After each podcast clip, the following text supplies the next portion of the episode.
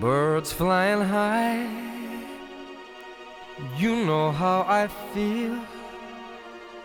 היי, שלום לכולם, ותודה שהגעתם לפודקאסט רזה בראש, הפודקאסט שמיועד לכל מי שמאס בעולמות הדיאטה המקובלים, פודקאסט שמקנה ידע וכלים מנטליים והתנהגותיים כדי לצאת מהמאבק היומיומי עם האוכל לחופש מוחלט. אני נעמה פולק, מייסדת השיטה רזה בראש, שיטה לירידה במשקל באמצעות אבחון ושינוי דפוסי החשיבה המניעים לאכילה רגשית, אכילת יתר ואכילת מרק קוסקוס, מרק בלי קוסקוס וקוסקוס בלי מרק. אז מה שלומכן בימי החורף הסוערים האלו? אני מקווה שאתן אה, מתחממות כמו שצריך.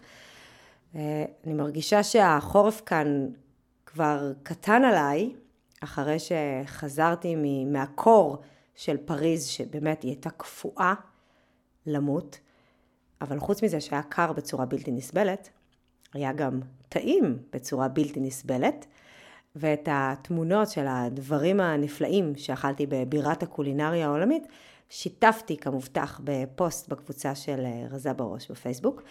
וכשאני אומרת שיתפתי, אני מתכוונת רק לדברים שהספקתי לצלם, ולא לאלו שנעלמו לפני שתועדו. אבל עדיין יש מספיק. ובחזרה אלינו, לישראל, גם אנחנו פה בשיא החורף, וכדי שנוכל כולנו להתחמם יחד בכיף, במהלך כל החודש הקרוב, חודש פברואר, יתקיימו רק בקבוצה של רזה בראש בפייסבוק, ורק לחברות הקהילה, אירועים בסימן חודש מסתכלות בעיניים. ולמה זה? כי להסתכל בעיניים על הדבר שאנחנו רוצות לשנות, זה סימן לאומץ. ואומץ זו המהות של כל שינוי אמיתי. לא משנה מה הדבר שאנחנו נרצה לשנות, אם זה משקל, זוגיות, עבודה, לא משנה מה. כדי לעשות את זה, אנחנו נצטרך להסתכל בעיניים. זאת אומרת, להסתכל באופן ישיר ולא מתחבא על הדבר שאנחנו רוצות לשנות אותו ועל הסיבות האמיתיות שבגללן אנחנו לא מצליחות לשנות אותו. וכדי שנוכל להסתכל בעיניים אמיצות, החודש יש לנו שלושה אירועים מאוד חשובים ומשמעותיים בקהילה, עם שני שידורים בלייב בקבוצה, עם שתי נשים מיוחדות שמגיעות לספר לנו על מה גרם להן להצליח לשנות ועל מה הן היו צריכות להסתכל בעיניים כדי להשתחרר סוף סוף מהמלחמה עם האוכל ולהגיע לחופש מוחלט. וכמובן, הן באות לענות על כל השאלות שיש לכן אליהן בשידור חי. בנוסף לזה, ובמיוחד לחודש בסימן מסתכלות בעיניים, אני מגיעה לראות אתכן פנים אל פנים בערב מיוחד וחד פעמי שפתוח לרישום אך ורק לחברות הקהילה ובו אני אלמד אתכן כלי מיוחד מאוד לזיהוי הרווח הלא מודע שיש לנו מאוכל ומשקל כדי שתוכלו לראות את הדברים שלא ידעתן שמנהלים אתכן מאחורי הקלעים ומשאירים אתכן במקום. אני מצרפת בתיאור של הפרק קישור לקבוצה של רזה בראש בפייסבוק, כדי שתוכלו להצטרף לקהילה, למי שעוד לא הצטרפה, ושם יש את כל הפרטים על אירועי החודש, מתי זה קורה, איפה זה קורה, למי שרוצה לקחת חלק בהזדמנות המיוחדת הזאת, להסתכל ישירות בעיניים על הדבר שהיא רוצה לשנות, ולהבין מה באמת מונע ממנה לשנות אותו. ועכשיו לענייננו הבוערים. את הנושא של הפרק היום אני מקליטה לכן בהחלטה של רגע. היה לי כבר נושא אחר, שרציתי לדבר עליו לכבוד אירועי חודש מסתכלות בעיניים, אבל זה יצטרך לחכות לפרק הבא.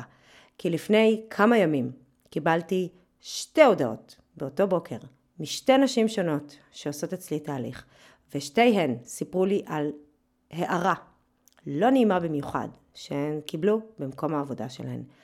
ולא, זה לא הגיע מגבר, ולא, לא מדובר בהערות סקסיסטיות. אני מדברת על הערות שהן קיבלו מנשים אחרות שעובדות איתן, הערות מעליבות על המשקל שלהן ועל הנראות החיסונית שלהן. אז החלטתי לעצור הכל ולדבר על נושא ההערות שאנחנו מקבלות מהסביבה בנוגע למשקל שלנו ולהסביר בפרק הזה למה באמת זה קורה. מה באמת גורם למישהו או מישהי להגיד את אותו משפט באותו הרגע למי שעמדה מולם.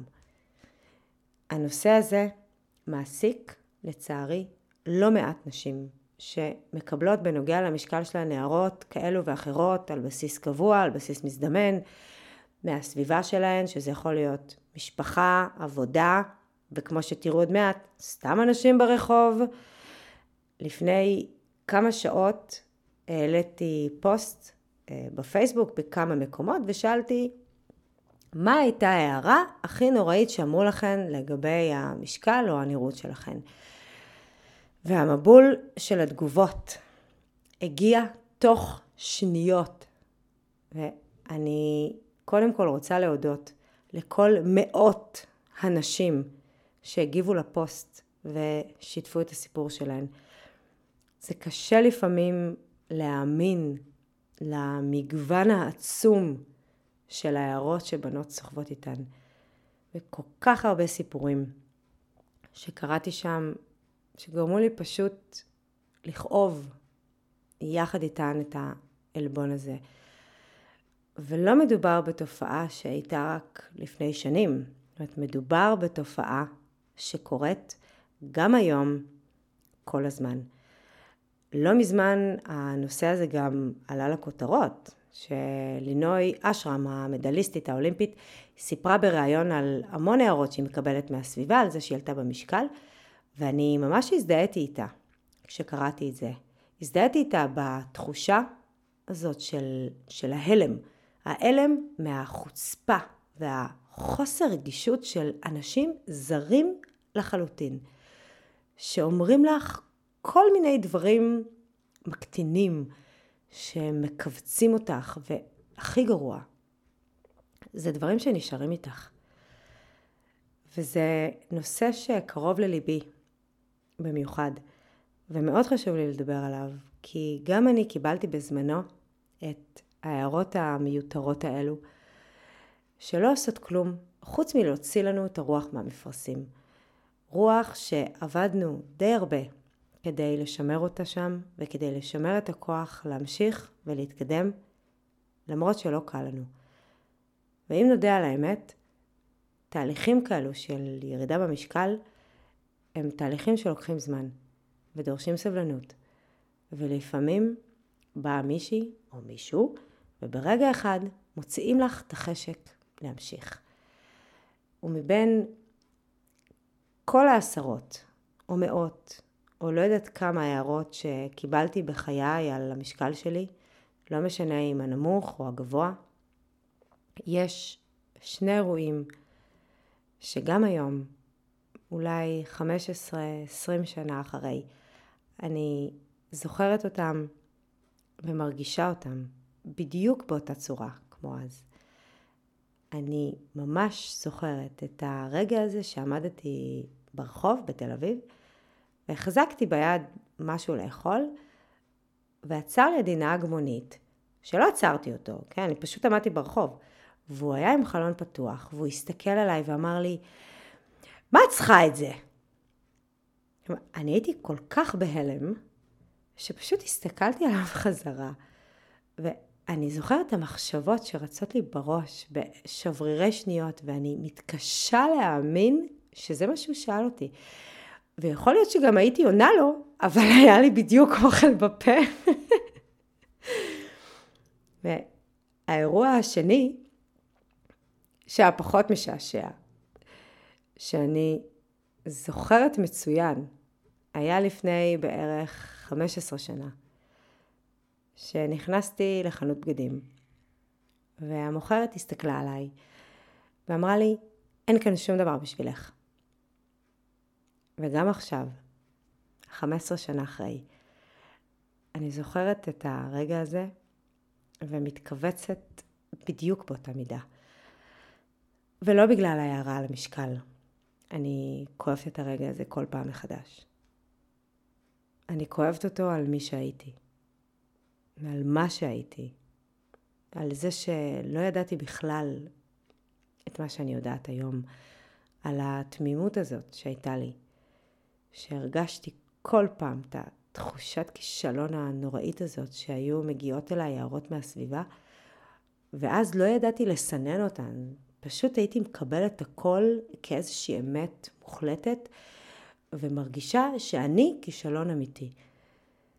ובעיקר, אני כואבת את התחושה שהייתה לי אז, אחרי שהיא אמרה לי, אין כאן שום דבר בשבילך, התחושה שאני לא שייכת, שאין לי מקום להיות כאן. אין לי זכות להיות כאן, בחנות בגדים הזאת, עם מידה שלא מתאימה.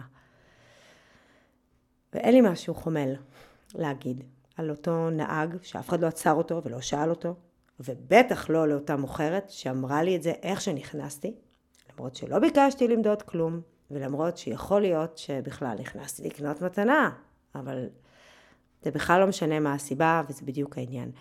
האנשים שאומרים לנו את הדברים האלו, גם הם לא יודעים באותו רגע למה הם אומרים את זה. אז בשביל זה אני כאן, בשביל שנוכל אנחנו להבין את הדברים בצורה אחרת, ולהבין מה באמת גורם לנו לשמוע את המשפטים האלו מהסביבה. לרוב, אלו שאומרים את זה יגידו את זה בלי לחשוב בכלל, וגם אם הם כן חושבים לרגע, הם לא מודעים למה שבאמת קורה אצלם מאחורי הקלעים, שגורם להם להגיד באותו זמן את המשפט הזה לזאת שנמצאת מולם. תסכימו איתי שהם לא אומרים את זה אה, לכולם, נכון? זאת אומרת, אותו נהג מונית לא עוצר ליד כל אחת אה, במשקל שהייתי בו שמחזיקה משהו לאכול ואומר לה את זה. ותהיו בטוחות שאם מישהי זרקה לכן שמן קצת, או אולי כדאי שתאכלי סלט, היא לא אומרת את זה לכל אחת ואחת שהיא רואה במידה כזאת. ויותר מזה, ואני אגיד את זה כמה פעמים שצריך, זה בטח לא אומר שבאמת עליתן, או שאתן באמת צריכות לרדת במשקל, ובטח שלא לאכול סלט. אני אתחיל בלהגיד באופן חד משמעי, שזה לא קשור למשקל שלנו. אז לכל אלו שחושבות לעצמן, מה זאת אומרת מה הסיבה? הסיבה היא איך שהיא נראית, אם היא לא הייתה נראית ככה לא היו אומרים לה את זה. אז לא, זאת לא הסיבה. יש לחלקנו את המחשבה שאם נרד במשקל אז נפסיק לקבל הערות, זה ממש לא נכון. אני רוצה לקחת כדוגמה את הסיפור של נון, זאת שעוברת אצלי תהליך, שמקבלת הערות לא נעימות ממישהי שעובדת איתה. למשל, אחת מההערות האלו הייתה שהיא צריכה לרדת במשקל לפני הקיץ. ואם הייתן רואות את נון, הייתן מבינות שאין קשר בין האמת, במרכאות, לבין המשפטים שנאמרים לה. זאת אומרת, מעבר לזה שמדובר באחת מהנשים הכי יפות במדינת ישראל, שזה כמובן לא קשור לנושא הזה, אני מדברת על מישהי שההגדרה הטכנית של עודף משקל לפי BMI היא רחוקה ממנה והלאה. ואני מציינת את זה, כי אני רוצה שתבינו עד כמה מה שקורה במציאות, במרכאות, הוא לא רלוונטי. אז למה זה קורה? אם זה לא קשור למשקל שלנו ולאיך שאנחנו נראות, אז מה באמת גורם לנו לשמוע את המשפטים האלו מהאנשים שסביבנו, גם מאנשים שאנחנו אפילו לא מכירות? אז התשובה לשאלה הזאת נמצאת, תאמינו או לא, בחוקי פיזיקת הקוונטים. וכדי שנוכל להבין את התשובה, בלי ליפול מהכיסא ובלי לאבד קשב, אני אסביר קצת קצת על פיזיקת הקוונטים, שהיא הבסיס לשיטה של רזה בראש והגישה שלי לחיים בכלל. ומבלי להיכנס יותר מדי למושגים בעולם הפיזיקה, אני מבטיחה, אני אגע במה שחשוב לענייננו בלבד. פיזיקת הקוונטים היא תיאוריה שחוקרת ומתארת את ההתנהגות של הטבע ושל היקום שנמצא מסביבנו במונחים שהם קטנים יותר מפיזיקה רגילה. פיזיקה רגילה אה, היא מתייחסת לאטומים כחלקיקים הכי קטנים בטבע שאפשר למדוד אותם ופיזיקת הקוונטים באה ואומרת רגע לא לא לא לא לא יש חלקיקים קטנים יותר, חלקיקים קוונטיים, שהם מתנהגים אחרת מאטומים. ובשל כך הם לא כפופים לחוקי הפיזיקה של זמן ומקום באופן כזה שאפשר למדוד אותם. וככה גם המחשבות שלנו. שהמחשבות שלנו הן הולכות חשמליות שמועברות ממקום למקום באופן כזה שפיזיקה רגילה לא יכולה למדוד. ואתן בטח מכירות את זה, שאתן חושבות על מישהו או מישהי והם בדיוק מתקשרים. או שביום שאתן מרגישות טוב עם עצמכן, אתן מקבלות מחמאות מהסביבה. כאילו אנשים קוראים את המחשבות שלכן. אז איך זה קורה?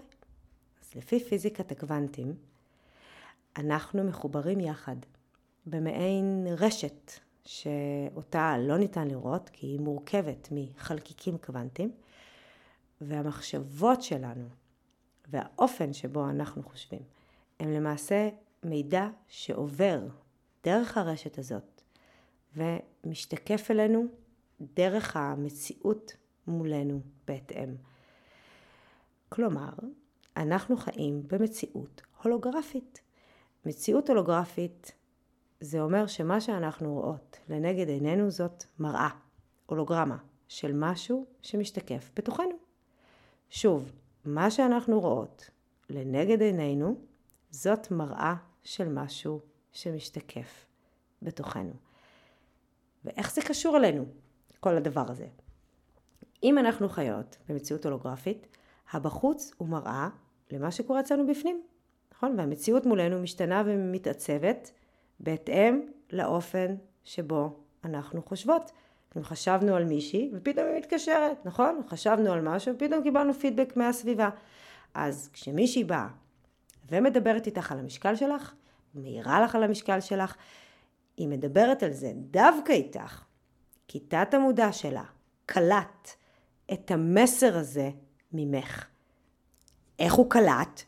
הרי לא אמרת לה כלום, נכון? אולי את אפילו לא מכירה אותה. הוא קלט כי אנחנו, בתור יצורים אנושיים, אנחנו מסתובבים בעולם משחר ההיסטוריה עם מנגנונים קוגנטיביים הישרדותיים. הטבע דאג במשך מיליוני שנים שאנחנו נחיה ביחד, בקבוצות, שאנחנו לא נהיה לבד. כי אם נהיה לבד, לא נשרוד, והישרדות זאת המשימה היחידה של הטבע. ובדיוק בשביל זה הוא צייד אותנו בכל מיני מנגנונים לא מודעים שמאפשרים לנו לקלוט מידע מאחרים כדי לזהות ולהתחבר לאנשים שבמרכאות דומים לנו.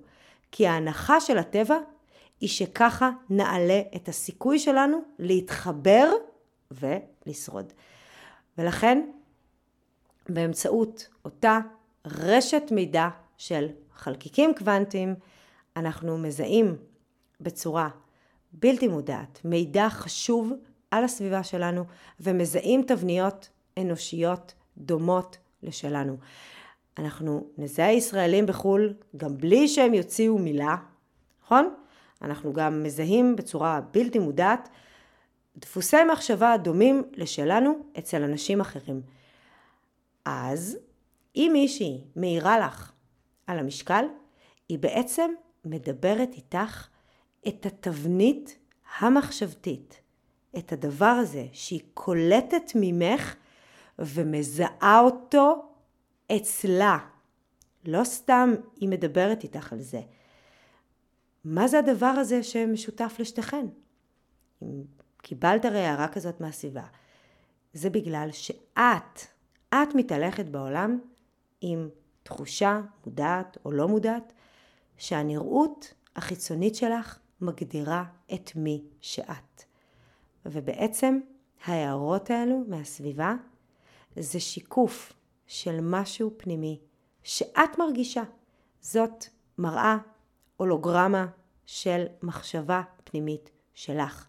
זה את מסתובבת עם השפה הזאת, התבנית הזאת, המחשבה הזאת, עם הכותרת הזאת על הראש של הנראות החיצונית שלי מגדירה מי אני. אנשים שופטים אותי לפי הנראות החיצונית שלי, אני שופטת את עצמי לפי הנראות החיצונית שלי. זאת אומרת, את הולכת עם הכותרות האלו, והיא קולטת את הכותרות האלו ממך ומזהה אותן אצלה. אז היא לא אומרת את זה, כי את שוקלת יותר מדי. וזה בטח לא אומר שאת צריכה לרדת, היא אומרת את זה בגלל שתת המודע שלה קלט שפה דומה לשלה מתת המודע שלך. אוקיי? Okay? הוא קלט את המסר הזה, ה vibe הזה, התדר הזה, איך שנרצה לקרוא לזה, ולכן היא אומרת את זה דווקא לך ולא למישהי אחרת שנראית כמוך או במידה שלך. מה זה אומר בתכלס? זה אומר שהקולגה של נון, גם היא מרגישה את הדברים האלה בעצמה. גם היא מסתובבת בעולם עם הכותרת של הנראות החיצונית שלי מגדירה אותי. זה אומר גם שאותה מוכרת שאמרה לי אין כאן שום דבר בשבילך, גם היא מתמודדת עם אותן בעיות לגבי המשקל שלה, וגם היא מרגישה שהמשקל הוא זה שמחליט אם היא שייכת או לא שייכת למקום מסוים.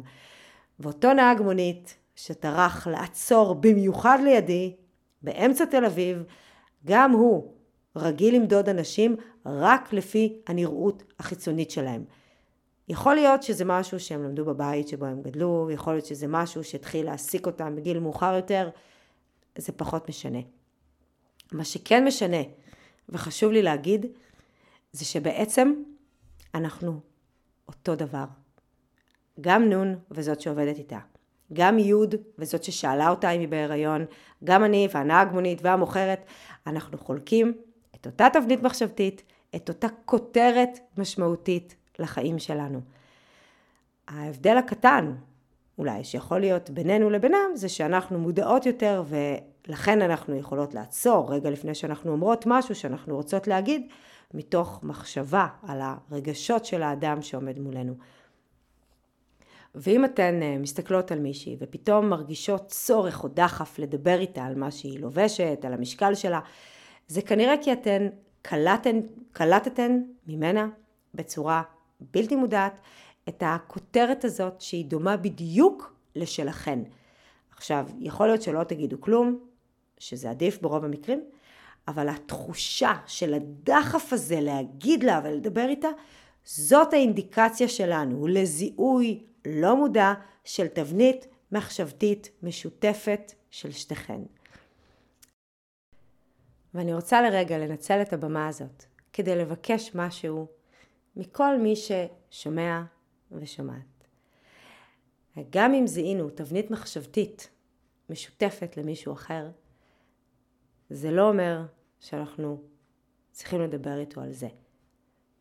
בכלל בישראל אנשים נוטים להגיד כל מה שהם חושבים. בין אם זה על מתי תתחתני, או מתי תעשי ילד, וכמובן, איך לא, גם על המשקל שלנו. זה הפך להיות מעין שיח ציבורי שמותר להגיד בו הכל. התבלבלנו. המשקל שלנו הוא לא שיח ציבורי. המשקל שלנו, הגוף שלנו הוא שלנו.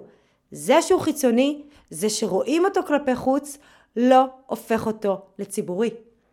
נכון, יש רשתות חברתיות, ונכון, זה נושא שמדובר לא מעט, אבל אם אף אחד לא שאל אותך או אותך ולא העלה את זה בעצמו, בבקשה, תשאירו את ההערות האלו לעצמכם. כי מה שלמדנו היום זה שאם אתם מרגישים דחף כזה להגיד משהו על הנראות החיצונית, וזה נושא שכואב לכם, אז המשמעות של זה היא שאתם הולכים עכשיו להגיד משהו על אותו נושא שכואב באותה מידה לזאת או זה שמולכם. זה דחף שיכול קצת לבלבל, כי המטרה שלו, ההישרדותית במקור, היא מטרה טובה. לחבר בין אנשים שחולקים משהו משותף. אבל בפועל, בשטח, במציאות המודרנית שלנו היום, הערות כאלו יכולות להכאיב למי שמולכם גם שנים אחר כך. אז בבקשה, אם לא פתחו מולכם את הנושא הזה, אם לא דיברו איתכם על זה, בבקשה, תשאירו את זה לעצמכם. אני רוצה להקדיש את הפרק הזה לנון ויוד, שקיבלו השבוע את ההערות האלו בעבודה. אתן ההשראה שלי לדבר על הנושא הזה. ואני רוצה גם להקדיש אותו לנעמה של לפני 15 שנה, לזאת שיצאה מהחנות בגדים ובכתה ובכתה ובכתה במשך כמה ימים אחרי. ואם היא הייתה יודעת את מה שלמדנו היום, אז היא הייתה מרגישה אחרת. איך אני יודעת? מכירה אותה. ואם אתם מכירים מישהי או מישהו שכדאי להם לשמוע את הדברים האלו, שצריכים לשמוע ולהבין את מה שדיברנו עליו היום, אז בבקשה תעבירו להם את הפרק הזה. תשתפו איתם, תספרו להם, ואולי ככה תחסכו כאב מאנשים אחרים. אני מקווה שנעמתי לכם, ונהניתם לשמוע גם את הפרק הזה, שבו קיבלתם שוב הצצה לעולם האמיתי שנמצא אצלכם בתודעה. וראיה פיזיקלית לאופן שבו דפוסי החשיבה שלנו הם אלו שמנהלים את ההצגה וככה קובעים את המציאות שבה אנחנו חיים. וכמו תמיד, הדבר שהכי חשוב לי הוא שאני מקווה שאתם יוצאים מכאן עם אופטימיות והבנה חדשה, שיכולה לעשות שינוי של ממש בחיי היום שלכם. ואם הצלחתי לגרום לפחות למישהי אחת להרגיש טוב יותר לגבי עצמה, עשיתי את שלי לפרק הזה. אז עד הפעם הבאה, אל תבחרו לחכות. תבחרו מי אתם רוצים להיות. תודה שהקשבתם. תודה שאתם כאן. להתראות. and I'm feeling good. I'm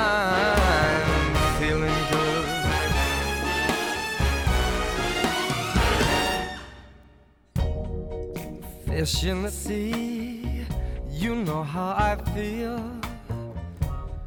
River running free, you know how I feel blossom on a tree. You know how I feel. It's a new dawn, it's a new day, it's a new life for me. And I'm feeling good.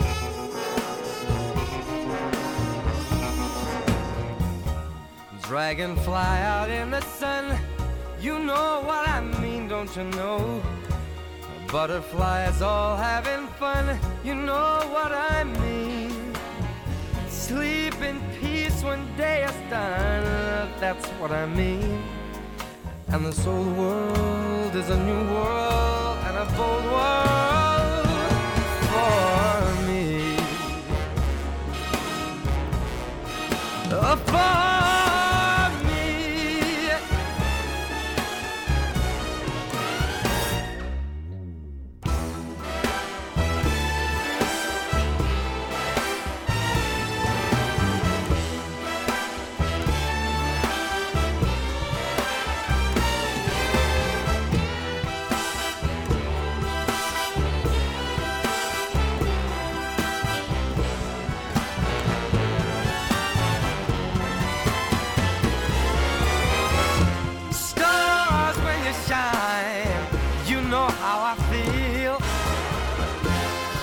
of the pine, you know how I feel. Oh, freedom is mine, and I know how I feel. It's a new dawn, it's a new day, it's a new life.